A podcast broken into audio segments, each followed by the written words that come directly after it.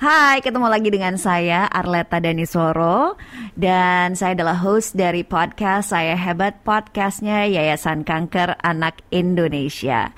Hari ini saya kehadiran tamu dari John Robert Powers dan beliau adalah direktur HRD-nya dan mari kita sambut Ibu Carolyn Sekarwati. Hai Mbak Carol. Halo, Aleta. Selamat datang. Terima kasih Iya, terima sudah kasih. hadir. Salam sehat ya Mbak. Salam sehat ya, senang sekali bisa ketemu ya dalam kondisi yang saat ini kita memang masih pandemi sih katanya, tapi setidaknya Benar. kita masih sudah bisa bersosialisasi. Yes. Tapi by the way udah PPKM level 3 Mbak Leta Oh, udah ya. Oh ya Iya, benar. Berarti kita tetap harus prokes. prokes. Makanya kita tetap harus pakai masker. Ya mudah-mudahan yang sedang menyaksikan juga dalam keadaan sehat semuanya. Amin. Nah, Mbak Carol saya dapat bocoran nih dari teman-teman YKAI, katanya Mbak Carol ini sebentar lagi akan memberikan pembekalan gitu ya, pembekalan kepada anak-anak uh, survivor cancer.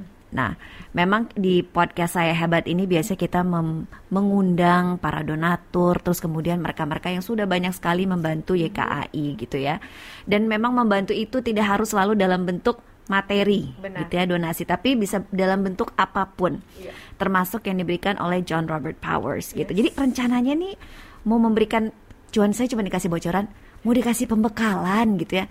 Ini bekal apa ya gitu, bekal sekolah kah gitu dibikinin roti gitu. Kayaknya nggak mungkin banget gitu John Robert Powers seperti itu. Jadi Iya, iya. gimana nih ceritanya Mbak Oke. Carol?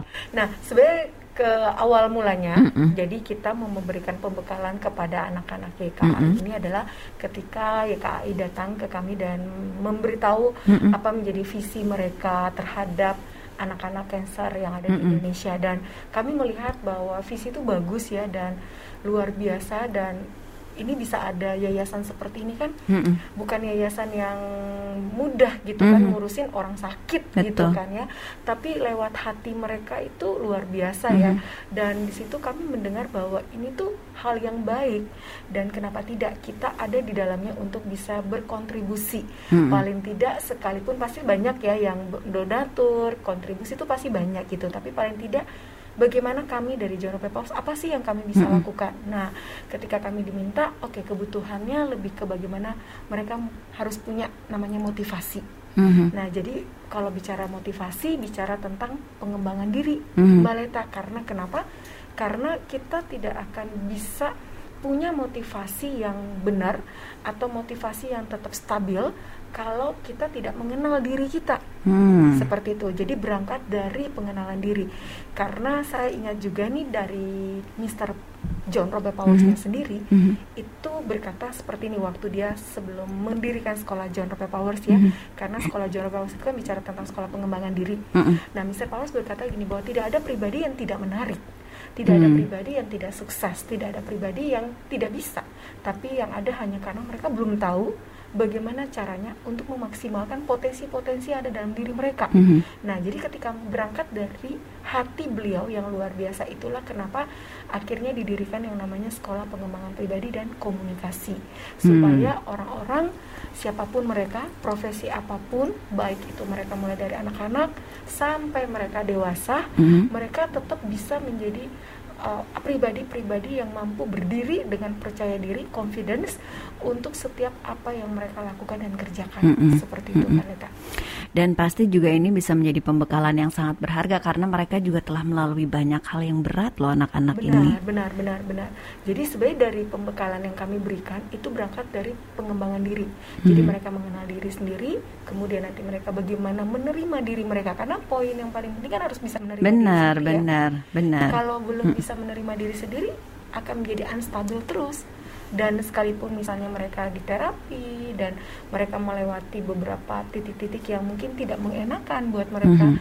mereka juga nggak akan bisa yakin. Nah, yang ketika mereka bisa menerima diri mereka, itu sebenarnya awal untuk mereka growing, awal untuk mereka mendapatkan yang namanya pemulihan dari hari ke hari, karena itu secara uh, soft skill ya, secara mental gitu. Nah, kemudian setelah mereka bisa menerima mereka diri mereka sendiri, mereka tahu bagaimana mereka bisa mengekspresikan diri mereka, otomatis kan akan muncul yang namanya confidence itu Mhm. percaya diri. Nah, dari Mhm. confidence percaya diri, mereka juga jadi tahu bagaimana bisa membawa diri mereka Mhm. untuk menampilkan diri mereka secara totally, Mhm. baik itu dari inner beauty mereka maupun outer beauty mereka. Jadi Ya. dari sikap, kemudian behavior eh, Mhm. sikap perilaku mereka ya, kemudian dari tutur kata mereka. Mhm. Nah, itu yang mereka harus bisa menjadi suatu cerminan, inspiring role model Ya. bagi generasi-generasi mereka tentunya. Mhm, mhm. Karena yang memang akan di yang akan dilakukan untuk pembekalan ini adalah anak-anak yang memang mereka itu terpilih sebagai duta-duta YKAI nantinya. Iya. Mm-mm. dan amazing banget sih istimewa tuh. Mm-mm. Hebat sih. Udah pernah ketemu belum dengan mereka? Saya belum pernah ketemu tapi saya Mm-mm. sempat mendengarkan beberapa cerita dari Mm-mm. dari mereka Mm-mm. dan ini buat saya luar biasa tidak mudah ya. Saya Iya. bisa imagine membayangkan karena sebenarnya saya juga pernah nih baleta ya eh, mengurus orang yang sakit kanker. Siapa kalau boleh tahu? itu nenek saya. Jadi saya sebenarnya saya dibesarkan oleh nenek saya juga. Jadi saya umur Oke. 4 tahun itu papa saya udah meninggal, dibunuh nih ceritanya. Waduh, Oh. dramatis banget ya.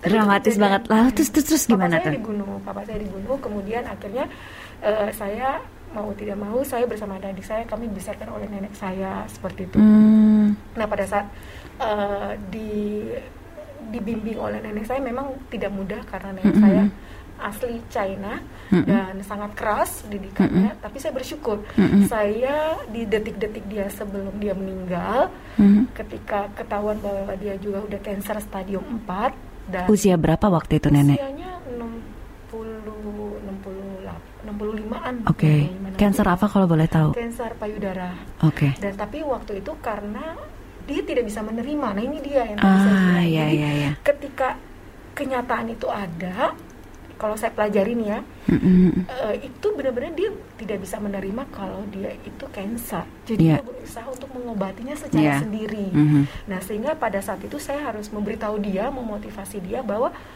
nggak sendiri, kita keluarga ini pasti support, pasti bantu seperti itu. Dan saya bersyukur banget dia akhirnya mau berangkat.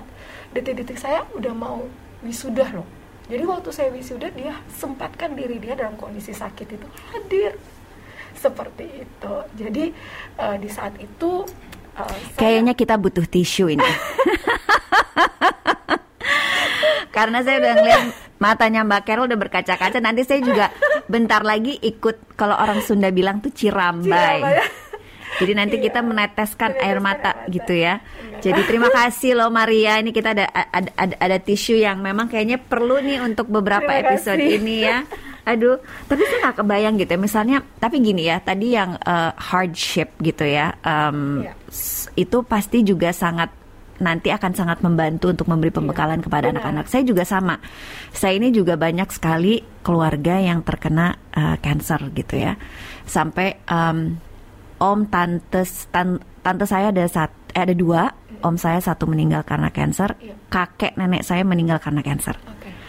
Jadi ini kalau mendengar kata cancer tuh bagi ibu saya itu traumatik, apalagi yang bahwa terakhir juga sama, kakak saya juga baru didiagnosa beberapa bulan lalu cancer. Jadi itu aja kita kan sedih dan kebayang Iya, gitu Mbak Carol pas dengar nenek yang deket banget yang Iya. ngasuh gitu kan.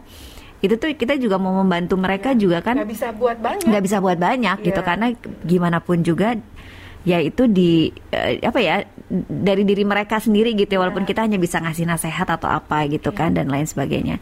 Tapi tentunya pasti ini juga nanti bisa memberikan pemahaman yang lebih ya sehingga nanti bisa lebih mengerti kira-kira apa sih yang anak-anak ini telah lalui dan lain sebagainya. Dan mereka tuh hebat-hebat loh beneran.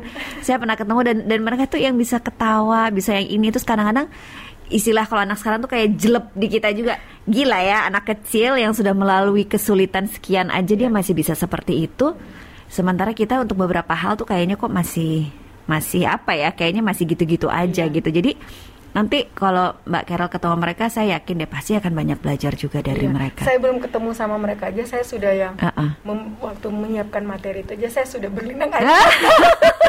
Enggak soalnya pasti berlinang juga karena ingat Karena nenek iya, juga kan benar, benar. tapi nenek meninggalnya karena cancer pada akhirnya ya Eh, jadi eh, kemarin itu dia sempat sudah sembuh dinyatakan Oke. sembuh secara eh, secara total, Mm-mm. iya kan. Namun dengan berjalannya waktu eh, akhirnya kembali lagi. Jadi tadinya kanker payudara sebelah kanan dan Hmm. itu sudah sembuh, Mbak Leta. Eh tiba-tiba muncul lagi sebelah kiri seperti itu dan Oh, itu oke. yang mungkin akhirnya dia down ya. Jadi memang Iya Eh, kalau sudah secara mentalnya down ya itu cepat banget Iya, dan pasti. itu sangat cepat sekali Iya. dan itu saya cukup kaget juga Iya. karena pada saat itu waktu dia udah sembuh sebenarnya dia kan kembali ke ke Palu sedangkan saya waktu itu saya masih di Surabaya ya saya waktu itu masih di Surabaya karena uh, lagi kuliah Lagi kan. kuliah Saya di Surabaya. dan itu benar-benar membuat uh, saya sebenarnya udah cukup tenang wah happy nih udah, Udah sembuh gitu, 100%, tahu-tahu, iya. iya. tahu-taunya waktu dia kembali saya dapat kabar bahwa dia kritis dan itu menjalar Hmm, uh, payudara dan tulang belakang dia Wah. seperti itu. udah menyebar ya. udah menyebar. Saya ikut berduka gitu pasti itu Makasih, juga mungkin jadi mohon maaf kalau membuka luka lama tapi setidaknya saya jadi paham gitu ya em, apa namanya mungkin kenapa juga pastinya eh, Mbak Carol jadi tertarik ingin membantu anak-anak ini Iya. juga gitu ya pasti ada latar belakangnya Iya, gitu benar. sama seperti saya yang banyak di keluarga yang terkena kanker jadi ya masih alhamdulillah bersyukur kita masih ini pengobatan nah tapi anak-anak ini ada beberapa yang mereka itu untuk berobat aja sulit untuk mencari transportasi gitu. Iya. Jadi memang kita ini butuh sekali untuk membantu mereka-mereka ini. Nah, ini ada beberapa anak-anak yang sudah survivor, mereka sudah dinyatakan bersih dan nanti ini adalah anak-anak yang akan dibimbing oleh teman-teman dari John Robert Powers Ya, terima kasih supaya mereka bisa memberikan inspirasi kepada anak-anak yang lain Iya. gitu ya, supaya bisa tetap tegar, Yes. tetap termotivasi untuk bisa sembuh seperti mereka gitu ya. Ini pasti bakalan seru. Jadi rencananya kapan ini memberikan uh, program ini ke anak-anak? Iya, rencananya nanti di tanggal 26 Februari ya. Oke. Jadi mereka akan datang ke kantor kami di Mm-mm. John Robert Powers. Mm-mm. Kemudian kita juga akan persiapkan semuanya Mm-mm. supaya mereka juga eh, bisa melihat bahwa eh apa yang diinvestasikan, apa yang diberikan oleh kami dari John Mm-mm. Robert Powers, Mm-mm. mungkin ini sifatnya eh, sifatnya bukan materi ya, tapi ini adalah sifatnya lebih ke mental Ya. mereka, persiapan mereka untuk pengembangan diri Betul. paling tidak sedikit misalnya pun kita porsinya kan misalnya cuma 20-30% tapi 20-30% itu Hmm. bisa memberikan dampak yang Pastilah, pasti, pasti ada manfaatnya. Tapi ini ngomong-ngomong yang saya tahu kalau John Robert Powers itu biasanya kan dewasa. Nah, sementara ini Iya. anak-anak. Apakah ini memang merancang program khusus untuk anak-anak untuk bisa memberikan mereka pelatihan atau gimana? Oke, nah di John Robert Powers sendiri sebenarnya sudah lama. Mm-mm, Kita sebenarnya di Indonesia kan masuk tahun 1985. mm-mm, Nah kemudian eh, dipegang oleh Ibu Dayati di waktu itu di Surabaya ya, kemudian meraja sampai masuk ke Jakarta juga Mm-mm. dan seluruh Indonesia sekarang dibawa Indayati Utomo mm, dan mm-mm. Bapak Indra Josefa. Mm-mm. Mereka komisaris dari John Robert Powers Mm-mm. dan mereka eh, punya hati yang benar-benar luar biasa ya. Jadi dimulai dari justru programnya itu program anak-anak ada. Hmm, Jadi mulai dari oke. program kids yang usia mereka udah bisa baca tulis ya. Jadi otomatis usia 6 tahun dan sampai di umur 11 tahun. Kemudian nanti ada program remaja juga 11 tahun ke atas sampai di 16 tahun. Nah, itu program remaja dan kita juga ada program dewasanya yang tadi Hmm. Marita sampaikan itu di atas usia 16 tahun ke atas. Hmm, Nah, itu sampai ada juga yang mungkin usia 50 ada nggak ada juga gitu usia 40 ada juga tapi mereka hebat-hebat artinya mereka mau punya hati untuk belajar sih minat belajar itu sangat tinggi karena sebenarnya kalau bicara tentang pengembangan diri dan komunikasi itu nggak akan pernah habis sebenarnya Mhm. Mbak Leta Mhm. karena sebenarnya itu bicara tentang seumur hidup Iya. iya kan Mhm. setuju ya Setuju banget. Setuju banget. Tapi gini deh, nanti eh, harapannya kalau dari Mbak Carol sendiri dan juga dari teman-teman John Robert Powers dengan memberikan pelatihan ini kepada anak-anak tuh apa sih nanti? Apa sih harapan apa harapan Mbak Carol sendiri untuk mereka gitu? Iya. S- harapan dari kami tentunya dari John Robert Powers ketika kami bisa memberikan pembekalan ini kita tidak mulu-mulu tapi dengan kita bisa melihat mereka menjadi duta yang benar-benar membawa nama bangsa Indonesia ya bukan Mm-mm. hanya eh, di Indonesia tapi bisa sampai mancanegara sampai luar Iya. negeri itu suatu kebanggaan ya jadi kami juga bisa ikut andil di dalam itu mereka tumbuh menjadi anak-anak yang percaya diri tentunya kemudian mereka bisa penuh dengan cinta kasih Hmm. karena kalau mereka sudah mendapatkan cinta itu dengan siapa pun mereka jumpai ketika mereka mau berbicara Hmm. apa pun yang mereka lakukan ke mana kaki mereka melangkah saya percaya cinta itu yang akan menjadi cerminan bahwa ini loh mereka orang-orang yang penuh dengan cinta kasih Hmm. orang-orang yang penuh hati yang mau selalu berbagi sehingga mereka benar-benar role model itu bukan hanya role model seperti uh, dulu seperti mungkin hanya orang bilang oh the power misalnya kayak Hmm. power Power Rangers atau Hmm, Avengers gitu bukan hmm. bukan tapi benar-benar natural itu udah keluar semua potensi mereka mereka bisa keluar dan mereka bisa percaya diri Iya. dan ketika mereka public speaking mereka menjadi pribadi-pribadi yang inspiring Iya. yang bisa memberikan inspirasi Iya. buat banyak orang Beruntunglah berarti ya nanti ketujuh anak ini dan terima kasih banyak.